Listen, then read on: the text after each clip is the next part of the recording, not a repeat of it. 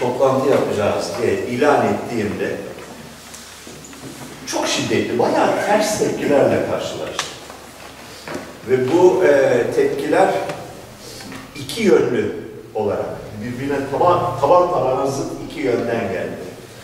Birincisi e, şöyle özetleyebileceğim bir, bir şey. Akılla değil mi? Ha ha ha ha ne alakası var ki? E, bunun bir hayli yaygın bir bakış açısı olduğu anlaşılıyor.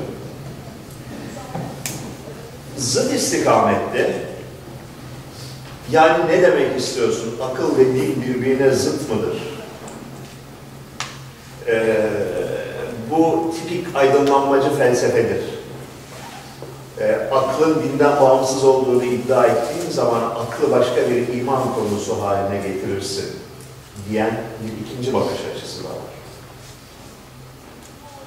Bu her iki bakış açısının problemli olduğu konusundayım. Aklı başında dindar mı olur sorusunu soranlara cevap. Bariz bir şekilde evet oluyor. Yani bunu tartışacak bir şey yok. Descartes, Spinoza, Aristoteles, Hegel, Mimar Sinan dindar olmuşlar. Yani ben okuduğumda olmaz bu kadar saçmalık. Yahu dediğim bir takım kitaplara bak. Bunların değerli ve ma olduğu kanaatine varmıştır.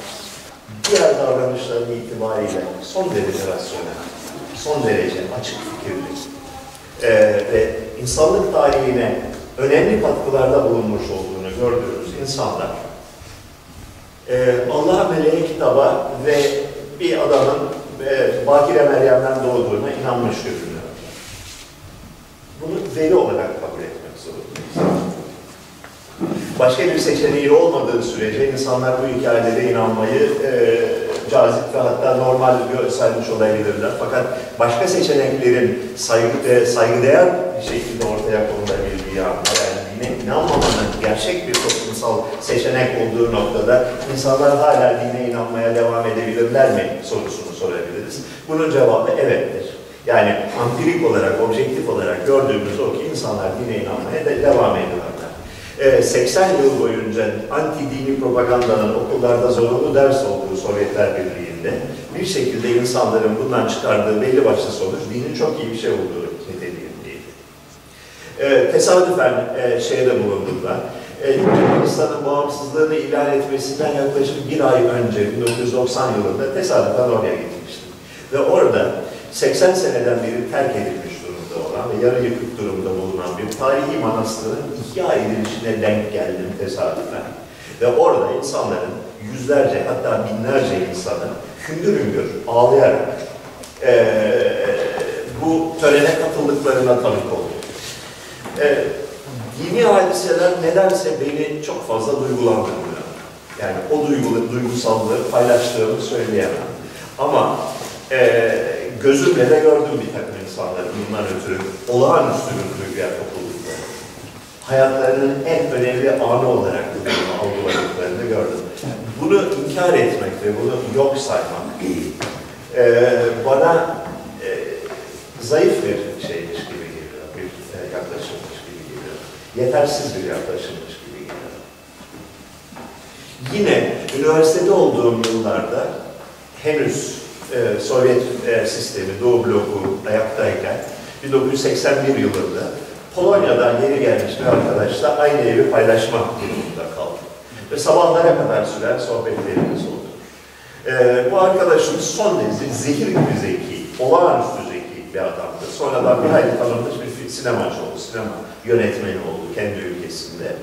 E, bana ısrarla şunu, e, e, koyu katolikti. Yani dindar bütün en ince ayrıntısına kadar katolikliği gereklerini yere, yerine getiren bir katolikti.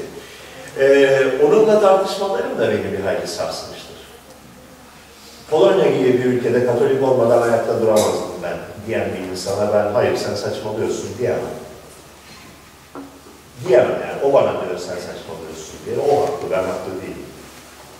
Kamu hayatının anlamsızlığı ve eziciliği karşısında ve yalanlarla dolu hiçbir şeyin gerçek olmadığı, hiçbir gerçeğin kabul görmediği bir ortamda bir şeye sarılma ihtiyaç duyuyor bir arkadaş. Ve e, Katoliklikten başka da bir çözüm yolu bulamıyor. Bu doğru bir çözüm yolu mudur? Hayır. Sonuna kadar da tartışırım. Hala daha tartışırım. Yanlış bir yol olduğunu savunurum. Fakat bir takım insanların böyle bir yola kapıldıklarını ve dünyadaki dindar sayısının bilimdeki tüm ilerlemelere rağmen azalmadığını görmemiz gerekir. Böyle bir fenomen var ve biz akılla dünyayı açıklamayı şiar edilmiş olan insanlar bununla yüzleşmek zorunda. Yani e, ciddi bir şekilde dil fenomenini açıklamak ve bunun neden ve nasıl bir gerçek olduğunu ve bu derece persistent, kalıcı bir gerçek olduğunu anlamak zorundayız. Dinin sorduğu sorulara cevap vermek zorundayız. Bunu yok sayarak bir yere varamayız. Rasyonel düşünceyi temsil eden insanların din olgusunu yok saymak ya da e, aşağılamak iyi bir lüksü olmadığını söylemeye çalışıyorum. Bu olguyu anlamak, bu olguyu kucaklamak ve bu olguyla yüzleşmek mecburiyetinde olduklarını söylüyorum. Bu mev mevzulara ben yıllardan beri ciddi bir şekilde e, merak sarmış durumdayım. Yani e, din olgusunun e, akli bir bazda, rasyonel bir bazda anlaşılması, tartışılması, sınırlarının çizilmesi, boyunun ölçüsünün alınmasının önemli olduğunu düşünüyorum. Bunun Türkiye için, Türkiye'nin şu anda içinde bulunduğu nokta için son derece önemli bir faaliyet olduğunu düşünüyorum. Bunun ötesinde bunu, şu yaptığımız semineri belki kalıcı bir kurumsallaşmaya dönüştürmek gibi bir amacım var. Yani başarır mıyız, başarır, başaramaz mıyız bilmem. Bu yılda dört kere böyle bir toplantı yapmak şeklinde mi olur? Yoksa hayallerimdeki gibi bir ilahiyat fakültesi kurmak şeklinde mi olur burada? Onu bilemiyorum. İlahiyat fakülteleri doğrudan doğruya meslek lisesi konumunda olan şeylerdir, kurumlardır. Ee, İslam dininin propagandistlerini ve uygulayıcılarını yetiştirmeye yönelik meslek okullarıdır. Bunun dışında bir şeyden bahsediyoruz. Yani din konusunda akılcı bir yaklaşımı getirecek olan bir e, yapılanmadan söz ediyoruz. Böyle bir kurum oluşturmayı başarabilirsem kendimi olağanüstü e, başarılı hissedeceğim. Yani e, hayallerimden çok önemli bir hayalimi gerçekleştirmiş sayacağım. Yani matematik boşver, matematiği herkes yapar da. İlahiyat fakültesi kurmak bana daha önemli ve daha ciddi bir e, adımmış gibi geliyor. Rasyonel düşünce derken neyi kastediyoruz meselesine kısaca değinmekte ben yarar görüyorum. Bir, biraz felsefeye dalma pahasına.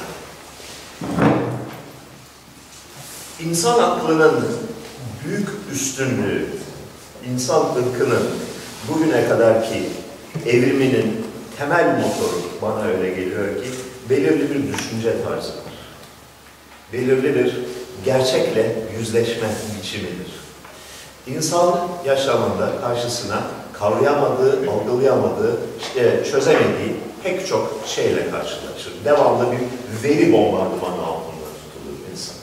Bu veri bombardımanını insanoğlu birinci gününden itibaren bir takım varsayımlar ileri sürmek ve bu varsayımları test etmek yöntemiyle bu hakikatin çok yönlülüğüyle, hakikatin kavranamazlığıyla başa çıkmaya çalışır. Sürekli olarak, aralıksız olarak e, bebeklik yaşımızdan itibaren ve bütün yaşamımız boyunca en basit olaylardan en karmaşık olaylara kadar insan zihninin kavrayış yöntemi budur. Olaylarla karşılaşırız. Her şeyden önce e, tesadüf denilen o şey, rastlansalık denilen hadiseyle karşılaşırız. Yani e, bir takım olaylar oluyor etrafımızda. Devamlı olarak bir takım olaylar oluyor. Belirli bir saatte zil çalıyor, belirli bir saatte güneş doğuyor. Akşam olunca uykumuz geliyor. Ee, bazı insanlar ölüyor. Ee, böcek sokuyor ve canımız yanıyor gibisinden sayısız olayla karşılaşıyoruz. Bunlara anlam vermek için sürekli olarak bir takım hipotezler, doğru veya yanlış olabilecek bir takım hipotezler ileri süreriz. Bu böyle oldu çünkü böyle. Bir takım nedensellik ilişkileri kurarız. Her gün belli saatte batıyor. Fakat Sezon, yani, mevsim değiştikçe farklı saatlerde batıyor. Bunun açıklaması şudur. Ama bugün öyle olmadı, böyle oldu. Ha, bunun da istisnanın da sebebi budur. Gibisinden bir takım hipotezler ileri süreriz, varsayımlar ileri süreriz. Sonra bu varsayımları test ederiz.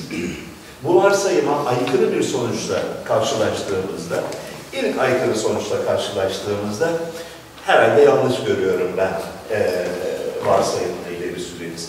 İkinci kez aykırı bir şeyle karşılaştığımızda acaba teorim eksik miydi? Bir de şunun bir eksik tarafını da tamamlayayım. Tamir edeyim teorimi yoluna gideriz. Üçüncü veya dördüncüsünde aksiyle karşılaştığımızda hmm, teorim yanlışmış. Onun yerine şöyle bir teori daha doğruymuş. Soralım, bilene soralım. Acaba doğru teori neymiş?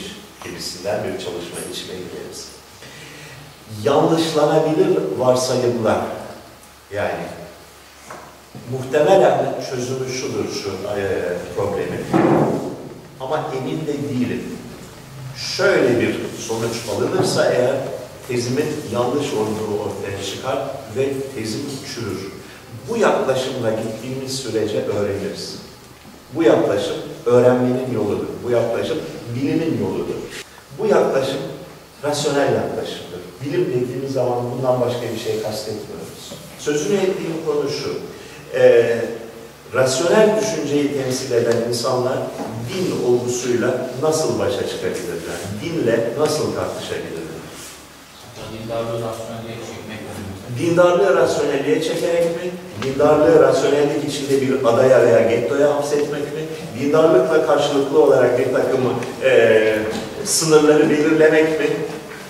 E, prensip olarak dindarlığı kabul edip onun e, bir takım altyapısını sistemli olarak oymak mı? E, bunun çeşitli şeyleri var. E, mesela İslam'ın e, doğuşuna ilişkin olarak İslami inanç çerçevesinde ileri sürülen tezleri, görüşleri akılcı bir yaklaşım yani tarihe ve biyolojiye dayanan bir yaklaşım nasıl cevaplandırabilir sorusu da bunun bir parçasıdır. Yani İslam e, dini çerçevesinde tarihteki belirli olaylar belirli bir şekilde açıklanıyor. Bir takım hipotezlerle açıklıyorlar. Allah doğrudan doğruya müdahale etmiş olmasaydı böyle bir kitap yazılamazdı mesela. Ee, Mekke'de e, okuma yazma bilmeyen bir adamın böyle bir kitabı yazmasına imkan yoktur diyorlar mesela. Atıyorum buna benzer bir takım e, şeyler, hipotezleri ileri sürüyor. Bu hipotezleri olduğu gibi kabul etmek bir yöntemdir. Bu hipotezler aman canım bunlar cahil saçmalığı, boş ver deyip atmak ikinci bir yöntemdir. Üçüncü bir yöntem ise bu hipotezleri ciddiye almak ve onları yanlışlamaktır. Bu üçüncü yöntemin daha zevkli olduğunu tahmin ediyorum. Ve daha verimli olduğunu tahmin ediyorum. Ve e,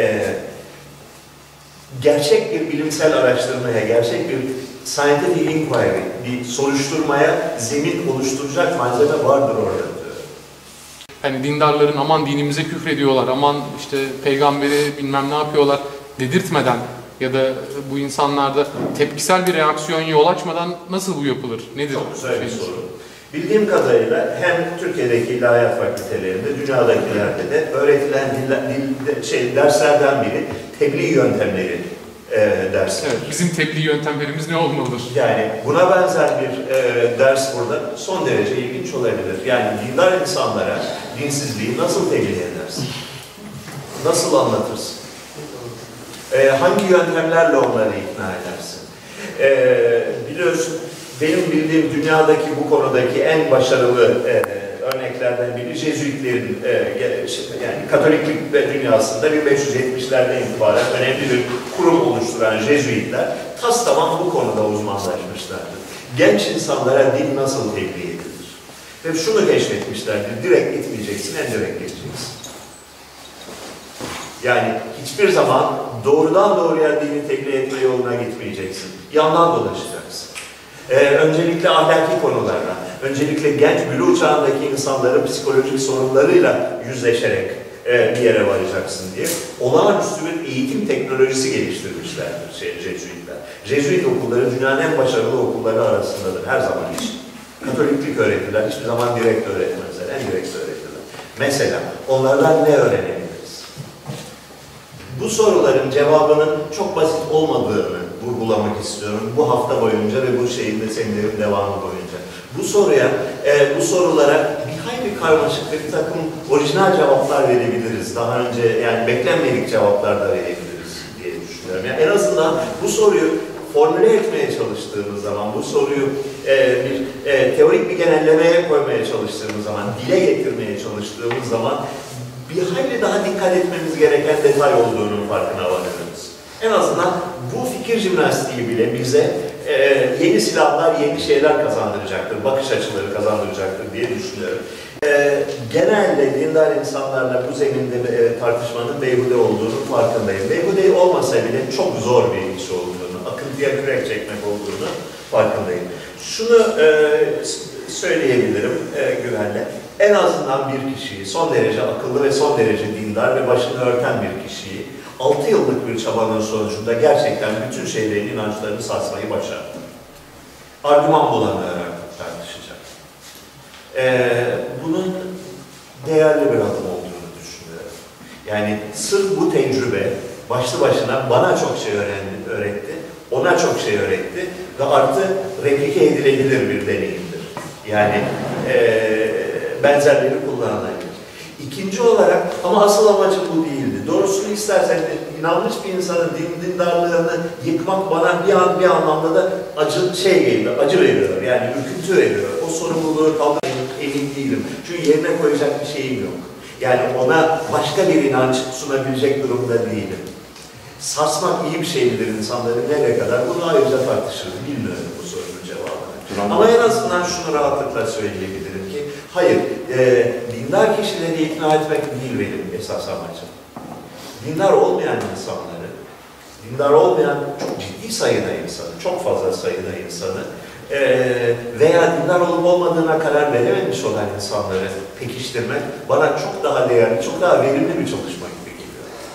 E, Türkiye'de dindar olmayan insanlar 20. yüzyılın başından beri temel itibariyle şu şeylere, e, şu yaklaşımlardan birine e, e, kapıldılar. Bir, ama zaten dindarlar aptal konuşmaya değmez. Birinci yaklaşım. İkinci yaklaşım, Atatürk bize doğru yolu gösterdi.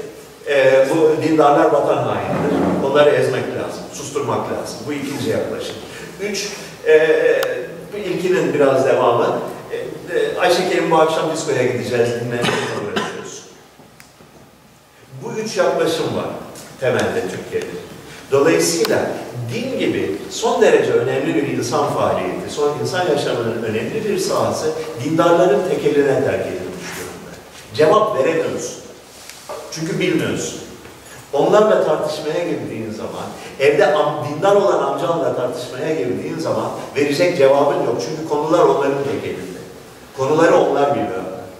Dolayısıyla verecek cevabın ya e, Atatürk cevabıdır ya disko cevabıdır.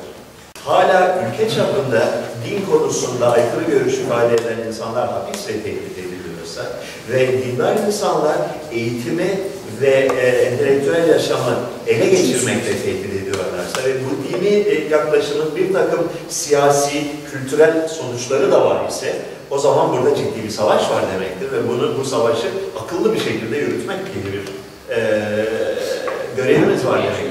Benim yöntemim bunun en iyi yöntemidir bilmiyorum. İrrasyonelliği rasyonellikle yenebilir misin? Umarım ki irrasyonelliği rasyonellikle yenebiliriz. Ve bunun da en azından bazı yöntemlerini, bazı eee, açık kapılarını burada tartışma fırsatını buluruz. Akıl dinle nasıl başa çıkar sorusunun iki yaklaşımı vardır. Eee futbol örneği verecek olursak, birinci ihtimal akıl bir takımdır, din diğer takımdır. Kim daha çok gol atarsa o kazanır. İkincisi ve daha hırslı ve iddialı olanı akıllı bu maç maçın hakemi haline getirmektir. Hakem olursan kaybetmezsin maçı. Hakemin kay maçı kaybetmesine ihtimal yoktur. Dolayısıyla dini eğer e, aklın kurduğu çerçevenin içine yerleştirebilirsen bir adeta böyle bir fırlanta gibi e, kazandık maçı demektir. Gol yiyemezsin ondan sonra. Tamam bu yaklaşım mesela daha ilginç olabilir. Şimdi müsaadenizle ben bir iki noktaya e, parmak basmak istiyorum. Üç tane konu var aklımda. durmadan şimdi ve o kadar çok konuya dağıldım ki ben de dağılmaya başladım. Ee, birincisi e, dinin evrimine ilişkin bir takım e, gözlemlerde bulunmak istiyorum. Bana öyle geliyor ki bildiğimiz kadarıyla başlangıç aşamasında din bilimsel faaliyetin bir parçası. Yani anlayamadığın olayları bir takım hipotezlerle açıklama çalışması. Ormanda bir takım insanlar kayboluyor. Neden kayboluyor? Çünkü bunları cinler yiyor. Bilimsel bir hipotezdir. Yani, efendim? Edebiyatı da katmak mümkün sanıyorum yani. Bir kısmı da alegorik olarak. Hiç şüphesiz. Yani f- f- Troya daha güçlü kentken yenildi, Ahalar kazandı. Neden kazandı? Çünkü Apollon onların tarafını tuttu. Bu bir bilimsel hipotezdir. Kimse inanmadı bana. Bilimsel hipotezlerin doğru olması gerekmez. Yanlışlanabilir olması gerekir artı e, bir şeyleri açıklaması gerekir. Bir şeyleri açıklamaya çalışırken doğru veya yanlış, tuhaf ama gerçek, çeşit çeşit hipotez ileri sürmez. Ne kadar ilginç hipotezler ileri sürebiliyorsan o kadar ileriye doğru bir adım atma imkanı var. Başka bir açıklaman yoksa dünya nasıl yaratıldığının sorusunun cevabını bir şekilde vermek zorundasın. Yani oku şeyin, e, Tevrat'ın ilk birkaç satırını, orada bayağı bir bilimsel çaba var. Önce diyor, e, yerle göğü ayırdı birbirinden. Bir, yani Big Bang teorisi gibi bir teori bu. Ha, e, doğrulanabilir mi, yanlışlanabilir mi, tartışılabilir mi? Çok tartışılmış o zaman. Çok tanrılı dinlerin en temel özelliğidir. Sen Apollon şey yaptı diyorsun ama şu şu şu nedenle bu mümkün değildir Apollon'un bu işi yapması. O işi Athena yapmıştır. Dediğin zaman ciddi bir yanlışlama çalışması var burada. Bir zıt, karşılıklı eee olan olayları, olguları açıklamakta, anlamlandırmakta zorluk çektiğin bir takım olguları bir takım hipotezlerle eee, çözmeye ve anlamlandırmaya çalışma e, şey, emeği söz konusu. İkinci bir aşamada bu verilen cevapların bir eee külliyatının oluşturduğu ve bu külliyatın koruyucusu olan bir takım rahiplerin gitgide ayrışan bir eee, meslek haline geldiğini görüyoruz. Yani bir toplumsal fonksiyon olarak bir takım şeylerin, cevapların, bir takım hipotezlerin gitgide kutsallaşan, gitgide dokunulmazlaşan nitelikler kazandığını görüyoruz. Ta ki e, zannediyorum e, Yahudilik bu evrimde çok önemli bir dönüm noktasıdır. Yani Yunan dininden Yahudi dininin farkını e, şey yaptığın zaman. E, Yunan dini mitolojik bir alanda cereyan eder. Yani tüm aktörler gerçek dışı aktörler. Tüm aktörler başka bir dünyada oynarlar maçı. Oysa ki Yahudilerin tanrısı bu dünyada oynar. Bu dünyanın içinde güreşir e, insanlarla. Doğrudan doğruya tarihin gidişine yön verir. E, e, güçlü insanları güçlü kılan kişidir. Dolayısıyla bu Tanrı'nın sorgulanması, bu Tanrı'ya ilişkin hikayelerin sorgulanması siyasi olarak riskli sonuçları olan bir noktaya gelir. Ve ta ki bir noktaya varılır ki gitgide soyutlanan, gitgide e, akıl almaz özelliklerle yüklenen, gitgide e, kabuk üstüne kabuk bağlayan bir tanrı e, fikri ortaya çıktığında bunun gerçek dünyadaki hiçbir kanıtla yanlışlanamaz olduğu bir noktaya varırız. Kur'an tanrısı olsun, e, İncil tanrısı olsun yanlışlanamayacak bir tanrıdır. Ne yaparsan tersinin cevabı var. Neden şeytanı yarattı dediğin zaman bunun da cevabı var. Dünyada neden e, e, adaletsizlik var dediğin zaman bunun da cevabı var. Adem'in madem ki e, şey, e, günah işleyeceğini biliyordu, niye cennete koydun dersen bunun da cevabı var. Melekler nerede peki dediğin zaman bunun da cevabı vardır. Bir aynı e, şeyde, aynı fiziksel mekanda birden fazla melek bulunabilir mi diye sorduğun zaman bunun da cevabı vardır. Bu cevapların birbiriyle tutarlı olup olmadığına bakılmaz. Cevap var mı? Var. Büyükler vermiş mi? Var. Ve ta ki öyle bir noktaya gelir gelirsin ki iman yanlışlanamaz olandır noktası. Yani ben buna inanıyorum. Çünkü bunun eee kilit bir dönüm noktası diyelim. İkinci dönüm noktası İsa ve Thomas hikayesidir. Bilir misiniz? Ee, İsa çarmıha gerildikten sonra ee, yaşayanlar arasına geri döner ve kendi havarilerine görünür. Thomas der ki, Rabbi inanmıyorum der. Yarana dokunmak istiyorum, dokunmadıkça inanmam sana der. İsa da bana der ki, yarana dokunduktan sonra hiçbir kıymeti yok ki. Yani inanç nedeniyle mi sen bana inanıyorsun? Yoksa eee, bir bilimsel olgu olarak mı?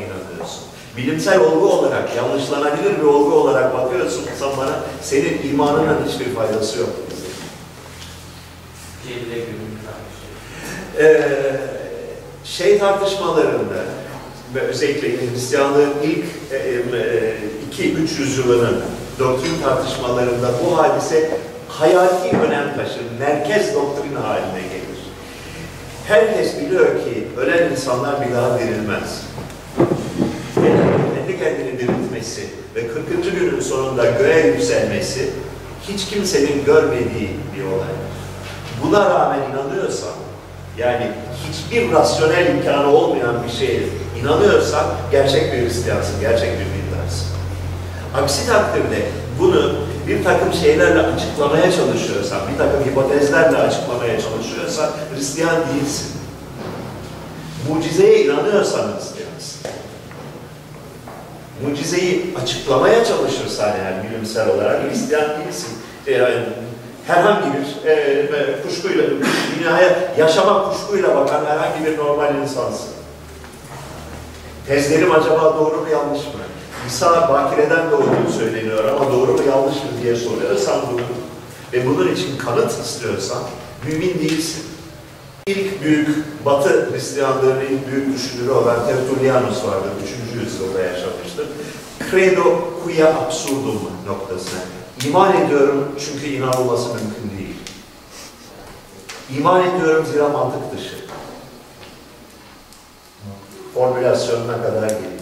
Yani imanın tanımı by definition, yani tanım gereği e, hipoteze ve e, yanlışlanabilirliğe dayanan akıl süre şeyinin, e, akıl yürütme tarzının dışında olması. Bir hipotez olarak ortaya çıkan tanrılar bir noktadan sonra bambaşka bir ihtiyacın, bambaşka bir akıl yürütme biçiminin dayanağı haline gelmiş. Ve bugün de e, Müslümanlarla tartışmada eninde ya da sonunda bu noktaya geliyoruz. Kanıtlanamaz bir takım şeylerle, hatta aksi kanıtlanabilir şeylerle geldiği zaman diyor ki, ama ben inanıyorum. Domuzun ekonomik olarak, e, biyolojik olarak, e, sosyolojik olarak, e, her açıdan faydalı bir hayvan olduğunu kanıtlayabilirsin. Karşındaki eğer aklı başında bir insansa bunu görür. Yani domuz çok ucuz bir protein kaynağıdır. E, kirli filan bir hayvan değildir, son derece temiz bir hayvandır. Tavuktan daha kirli değildir. Tavuk da kendi bokunu yer, e, domuz da yer. Buna rağmen tavuk yiyorsun. O zaman neden domuz yemiyorsun sorusuna getirdiğin zaman, tüm argümanları getirdiğin zaman sen alacağın nihai cevap şudur. Çünkü ben inanıyorum. Bunu, bunu sorgulamakla yükümlü değilim. Ben bunu sorgulayamam. Madem ki emredilmiş, ben bunu uygulamakla mükellefim. Yaklaşımı bana öyle geliyor ki imanın temel ilkesidir. Bu varsa imandır. Bu yoksa iman değildir. Dolayısıyla iman ve akıl hiçbir surette hiçbir zeminde buluşamaz gibi bir noktaya geliyoruz. Yani maç imanla akıl arasındaysa e, yürümez o maç. Özgürlükten kaçış bazen insanların çok işine gelebilir. Ve din tas tamam bu ihtiyacı karşılayan bir e, çözüm olarak karşımıza çıkarıyor. Ne lüzum var ki özgürlüğe? Özgürlük seni yorar. Doğrusunu söylemiş. Kim söylemiş doğrusunu? Eskiden, eski dinlerde, Yunan dininde, Hint dininde e, kim söylemiş doğrusunun cevabı? Atalarımız söylemiştir. Yani din törenin bir parçasıdır. Atalarımız anlatmış. Herkes biliyor. Ee, Apollon, şey, Athena'nın kardeşidir. Ee, şey Artemis'in. Nereden biliyorsun? E böyle yani atalarımız böyle söylemiş. Ee, bunun bu daha insani bir temeldir. Bu gerçekten e, insanın doğal özgürlüğüne uygun bir cevap. Tamam mı? Çünkü ben bilmiyorum. Yani e, Troya neden bu savaşı kaybettiğinin cevabını bilmiyorum. Normal olarak ne olur? Araştırma yaparım değil. Bilenlere sorarım. İki. E, bilenlerimiz diyor ki atalarımız bu konuda kesin ve doğru cevaplara sahiptir. E tamam. Yani bu bilimsel bir bilgidir. Eski Yunan. Ee, bundan daha fakat bilimsel olduğu için de sakat temel üzerine kuruldu. Yanlışlanabilir bir dildir. Daha iyi hipotez geldiği zaman ee, bak Apollon değilmiş, Athena'ymış cevabıyla karşılaşabilirsin. Senin vaaz ettiğin çocuk sana cevap verebilir. Mantıken de o öyle değildir, böyledir. Zaten bir atalarımız öyle demişti ama benim de atalarım bizim oradaki şeydeki e, Teva'daki insanlar onu öyle değil böyle anlatırlar. Yani sen de orada kalırsın bunun cevabı yok çünkü. Dolayısıyla e, Yunan dininin daha sonraki aşamalarında e, Helenistik dönem, dönemde inanılmaz bir tutkuyla, inanılmaz bir e, acayip bir emekle şeyi oluşturmaya çalışmışlardır. Hakiki Homeros şeyini, metnini oluşturmaya çalışmışlardır. Yani en doğru gelenek hangisidir? Şöyle rivayet ediyorlar, böyle rivayet ediyorlar, öbürünü. Bunu nasıl, ente- sentezini nasıl yapabiliriz?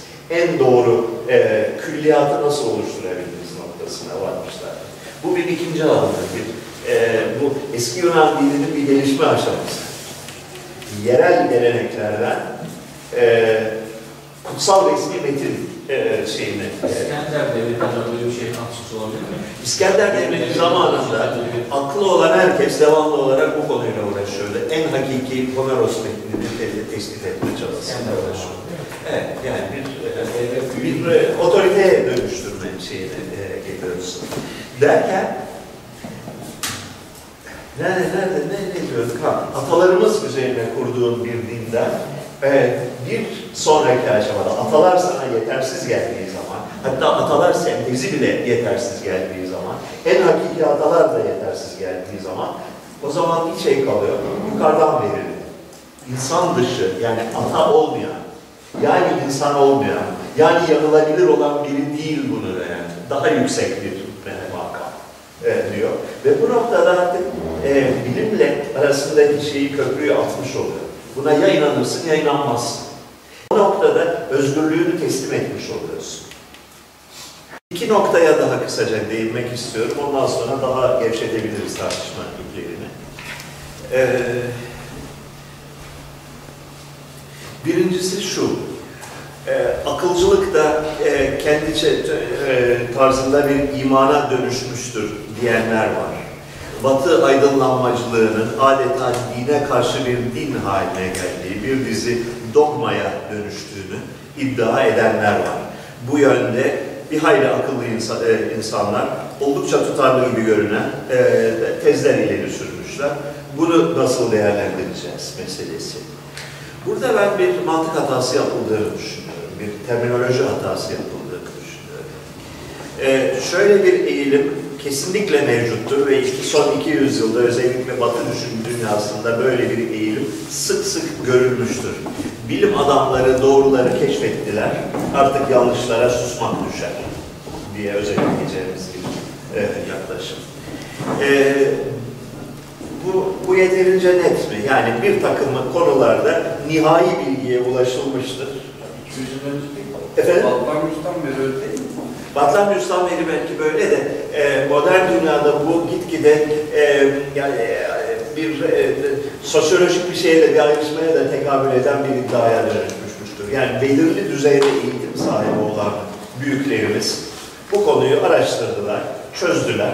Dolayısıyla size bok yemek düşer diye e, adlandırdığı, e, özetleyeceğimiz ve e, bilginin bilim adamlarının tek, tek elinde olduğu, dinin ise bir cehalet sistemi olduğu şeklinde e, formüle edebileceğimiz bakış açısıdır. Burada bir yanlış olduğunu düşünüyorum ben. Yani bu yaklaşımın temelde ciddi bir sıkıntıya yol açtığını düşünüyorum. E, aydınlanmanın illa pozitivizmle sonuçlanma, yani pozitivizmle aydınlanmanın aynı şey olmadığını düşünüyorum. E, bir bilgi şeyinin, korpusunun, bir bilgi e, hazinesinin nihai olduğunu iddia ettiğin noktada e, çuvallarsın. O zaman gerçekten imanla aynı noktaya varmış olursun. Oysa ki baştan beri vurgulamaya çalıştığım bir şey var. Bilimin özelliği doğru olması değildir. Bilimin özelliği bir yöntem olmasıdır. Bilimin özelliği söylediği tüm verilerin, tüm e, önermelerin yanlışlanabilir nitelikte olmasıdır. Yanlışlanabiliyorsa bir şey, fakat bugüne kadar yanlışlanamamışsa, yani denedik, her şeyi açıklıyor bu tez. Bir türlü aksi örnek bulamıyoruz. Aksine kuvvetli bir argüman da bulamıyoruz. Dolayısıyla bir akla evvelin biri çıkıp daha parlak ve daha orijinal bir görüş buluncaya dek bu görüşü kabul etmekten başka elimizde bir çare yok diyebildiğin sürece bunu yani daha iyi bir tez geldiğinde görüşlerimi tartışmaya hazırım diyebildiğin sürece yaklaşımın objektiftir, rasyoneldir ve bilimseldir. Ee, buna karşılık e, son söz budur ve bunu buna karşı bir e, bunu yanlışlayan bir ihtimal e, mümkün değildir. Diyor isen nihai söz budur. Sana susmak düşer. Diyor isen o zaman gerçekten de, müminlerle aynı safa düşmüş, düşme ihtimalim vardır. Bayağı da kuvvetli bir ihtimal. Bu eğilimin olmadığını varsayıp şey ileri süremeyiz. E, diyalektik ve bilimsel materyalizmden söz eden insanların aslında sonuçta dindarlardan bir fark olduğunu düşünmüyorum. Yaklaşım ve metodoloji olarak. Yanlışlanamayan ve yanlışlanamayacak bir önermeler dizisini nihai gerçek olarak ileri sürüyorlar. Ve ister istemez bunun doğal ve mantıki sonucu olarak bunun bir de bir ruhban sınıfı ve bir otoritesi, bir polisinin oluşması gerekiyor. Yani bunu yanlışlayamazsın kardeşim. Bu ben nihai doğrudur dediğin zaman buna itiraz eden insanları susturacak bir mekanizma olması gerekiyor. E, rasyonel düşüncenin böyle bir mekanizması vardır. Çok da başarılı bir mekanizmadır. E, memnuniyetle kardeşim, farklı bir mü var? Teşekkür ederim, buyur bunu kanıtla, ikna et der rasyonel düşünce. Çok basit bir yöntemdir. Çok etkili bir yöntem. Ama eğer senin tezlerin yanlışlanamayacak tezlerse, bir takım Hegel'den ve Marx'tan derlenmiş bir takım yuvarlak ifadelerden ibaretse, bu aksi iddia edilemeyecek bir e, kapalı önermeler sistemi ise, ikna edilemedim diyen e, bir insana karşı vereceğin cevap kalmaz. Kabul etmek zorundasın demek, e, demekten başka çaren kalmaz.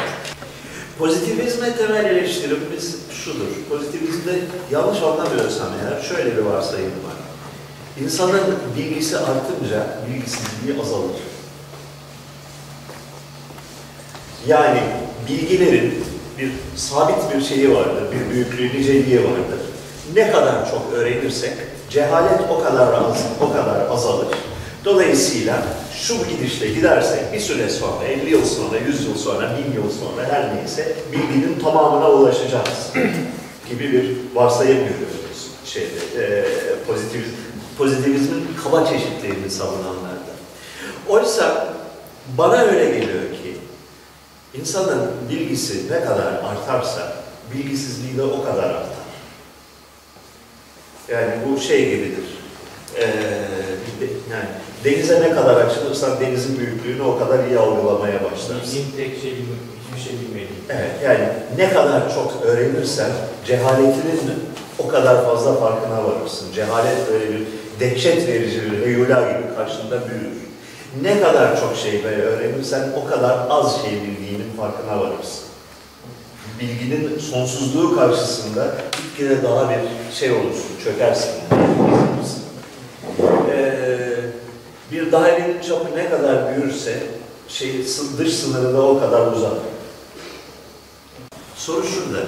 Gerçek iman sahibi kaç kişi var dünyada? Gerçekten kafası karışık olmayan, yani tam anlamıyla iman eden, İsa'nın yarasını elleme ihtiyacını duymaksızın İsa'ya iman edecek, İsa'ya iman edecek olan, yani akıl şeyine, desteğine eee, ve deney desteğine ihtiyaç olmadan iman edecek olan insanlar hakiki dincilerdir.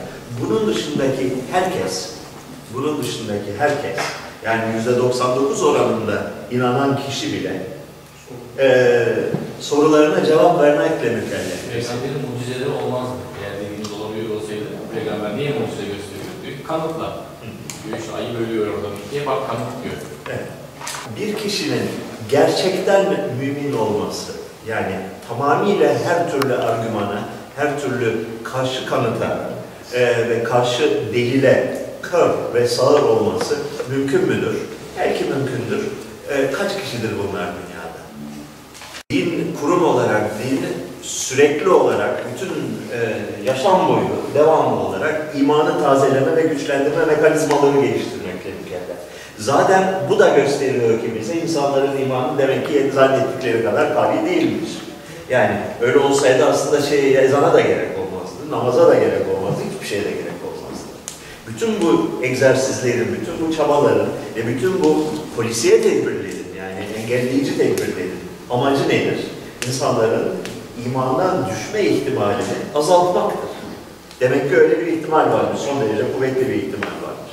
Acayip kuvvetli bir ihtimal vardır ki bu kadar yoğun, bu kadar organize, bu kadar pahalı yöntemlere başvuruyorlar. Sadece zorbalıkla, sadece bir takım sakallı kişilerin gücüyle açıklanamaz bu. Yani eee aslında değildir hakiki bir ihtiyaca cevap verdiği için bu derece eee, yaygın ve kalıcı ve mu- muazzam bir fenomen olarak karşımıza çıkmış. Ve bu ihtiyacı algılayan, bu ihtiyacı tam olarak teşhis edemediğimiz takdirde eee, zayıf kalırız bu şehre kalmak. Kur'an'ın rasyonel bir tefsirini yapmak mümkün mü diyebilir miyiz? Hani 2000 yılında Kur'an'dan anladığımız şu olacak ki her şey çok çok güzel bir şekilde empirik bilgimizi ölçecek. 2100 yılında bunu tekrar yapacağız ve çok daha güzel bir şekilde yine ölçecek. Yani şu, bu neden, belki nedeni şudur. Kur'an'ı şu anda tefsirleyen ya da savunan bütün din adamlarının hepsi saçma sapan adamlar olduğu için belki hiç ikna etmiyordur rasyonelistleri. Hani Kur'an'ın şifresi varsa eğer onu çözersek belki ikna olacağız diye bir tez bana anlamlı geliyor. Kabul etmiyorum ama onu tartışmak da man manarı geliyor bana açıkçası. Kur'an'da Meryem isimli bir kişiden söz ediliyor. İsa'nın annesi olan. Onun İmran'ın kızı olduğu söyleniyor. İmran'ın karısının kızı olduğunu söyleniyor. İmran'ın karısının bunu doğurduğu söyleniyor. Ve bu Meryem'in Harun'un kardeşi olduğu söyleniyor. Bu. Elimizdeki veriler bunlar. Şimdi şahıs A diyor ki, Sevan gelip diyor ki, Tevrat'ta bir başka Meryem var. Yani bir İsa'nın annesi olan Meryem var. Bir de Musa'nın kız kardeşi olan Meryem var.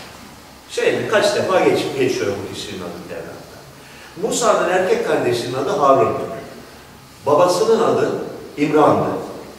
Bu Meryem de İmran'ın kızı Harun'un kız kardeşiydi. Demek ki bundan şu sonucu çıkarıyorum. Ee, Kur'an'ı yazan kişi Tevrat'ta ve İncil'de geçen iki ayrı Meryem'in aynı kişi olduğunu zannetmiş. Ve bu şekilde e, bir hikaye kurmuştur. Bu bir hipotezdir, bir tezdir. Karşı tarafta diyor ki, ama sen yalan konuşuyorsun. Çünkü Kur'an'da e, her ne kadar Harun'un kardeşi diyorsa da bunu mecazi anlamda söylüyor. E, ayrıca İmran'ın kızı diyorsa bunu da mecazi anlamda söylüyor. Artı e, Meryem'in babasının adının İmran olmadığını nereden biliyorsun? Belki de başka bir İmran'dı. Belki de başka bir Harun'du diyor. Bu da bir hipotezdir. Yani bu da bir zor bir durumu açıklamak için getirilen bir tezdir. İki fark var arada. Ee, veriler çerçevesinde aklı başında bir insanın çıkaracağı birincil sonuç ilkidir. Yani baktığın zaman, objektif olarak baktığın zaman normal insan e, eylemlerinin e, doğal akışı çerçevesinde Kur'an yazarının iki Meryem'i karıştırmış olması son derece kuvvetli ihtimaldir. Aksi kanıtlanmadığı sürece bu varsayımı kabul etmek zorundayız. Aksi ihtimaller olabilir mi? Pekala olabilir. Yani gerçekten belki iki tane İmran vardı, iki tane Harun vardı. Ve, ve bu, e, bu Meryem'in, iki Meryem'in de babasının adı İmran, e, kardeşinin adı Harun'du. Hocam, Olabilir mi? şey Olabilir. Pardon, bitireyim. Eğer ki kuvvetli deliller getirebiliyorsa karşı mesela Meryem'in nüfus kayıtlarını buluyorsa bir yerden, şeylerden veya ne atıyorum e, birinci yüzyılda yazılmış bir metinle bu Meryem'in e, kardeşinin adının Harun olduğu ve bunun diğer Harun'dan farklı bir Harun olduğuna dair bir metin gösterebiliyorsa birdenbire karşı tarafın tezi inandırıcı olmaya başlar. Ama o güne kadar bu tez, bu şeyler, deliller getirilmediği sürece karşı taraf ancak şunu söyleyebilir. Haklı olarak diyebilir ki senin tezin daha güçlü görünür gerçekten. Büyük olasılıkla senin dediğin doğrudur. Fakat ben eee hala içimde bir huzursuzluk var. Daha inanmıyorum sana. Çünkü şöyle olması ihtimalinde ben mevcut olduğunu düşünüyorum. Fayda koyuyoruz. Dediği zaman, bunu dediği zaman terbiyeli bir tartışma olur.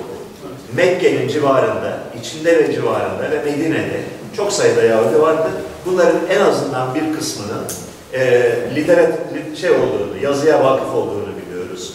E, zaten Tevrat olmadan ve Talmud olmadan Yahudi olunamaz. Demek ki bu, bu e, şey Tevrat mevcuttu. Hristiyanlar da yaygın olarak mevcuttu. Arap Yarımadası'nda en azından altı tane piskoposluk makamı bulunduğunu biliyoruz şeyden önce. E, İsa'dan, e, Muhammed'den önce. E, Najran'da, Bahreyn'de, Sokotra'da, e, e, şey, Arabistan'ın kuzeyinde, Hire'de, e, bugün Suriye'de, Ürdün olan bölgede Hristiyan Arap devletlerinin bulunduğunu biliyoruz. Bunlar arasında yoğun bir ticaretin ve şeyin, alışverişin olduğunu ve gidiş gelişin olduğunu biliyoruz. E, Muhammed'den önceki belli başlı Arap şairlerinin tümünün, büyük Arap şairlerinin Hristiyan veya yarı Hristiyan olduğunu. Demek ki Muhammed zamanında Tevrat ve şey, e, İncil en azından kulaktan dolma bir şekilde dahi olsa bilinmekteydi. Muhammed muhtemelen her iki kitabı da okumamıştır. Muhammed muhtemelen her iki kitabı da okumaktan aciz çünkü öyle bir araç yoktu elinde. Muhtemelen Muhammed hayatında kitap görmemiştir. Çünkü kitap kelimesinin e, kullanım tarzı şeyde Kur'an'da bunun kitabın ne olduğunu pek de bilmeyen bir şeyini, izlenimini uyandırıyor. Fakat bunda Muhammed'in Tevrat ve İncil konusunda bilgi sahibi olmadığı sonuç çıkmaz. Çıkmaz. Yani buradan bu sözü Birisi komşuna sorarsın ne var lan bu sizin kitapta diye sorarsın. O da cevap verir sana. Fakat kendisi okumaktan aciz olduğu için ve muhtemelen elinde Tevrat'ın nüshası bulunmadığı için bir Meryem hikayesi anlatıyorlar. Başka bir Meryem hikayesi anlatıyorlar ve ikisinin aynı olduğunu zannediyorum. Muhammed'in bazı şeyleri yanlış söylemesi ve bunun da kutsal metnine girmesi gayet doğal, normal bir şey. Yüz yıl sonra nihai e, Kur'an metni budur kardeş. Bundan sonra bunun birbirini değiştiremezsin dedikleri noktada bence müdahale imkanı bol bol vardı. Rahat rahat müdahale edebilirlerdi. Fakat etmemişler. Neden etmemişler? Dindar olmayan bir bakış açısının da mümkün olduğunu ve dolayısıyla bunun e, yüksek sesle ifade edilmesi gerektiğini ve bunun e, insanlara iletilmesi gerektiğini söylüyoruz. Ve bunu yaparken dini yok saymadan, din beş para etmez bir saçmalıktır, zaten ölüme mahkumdur gibi bir hataya düşmeden nasıl akılla ihata edebiliriz dini, nasıl akılla çevreleyebiliriz, nasıl bir akıl kozası içinde zararsız hale getirebiliriz soruyoruz. Bu maçta aklın hakem olmasını nasıl sağlayabiliriz? Belki de imkansız bir şey istiyoruz. Ama ne demişler? Gerçekçi ol, imkansızı iste. Yarından itibaren daha spesifik birkaç konuya girmek istiyorum.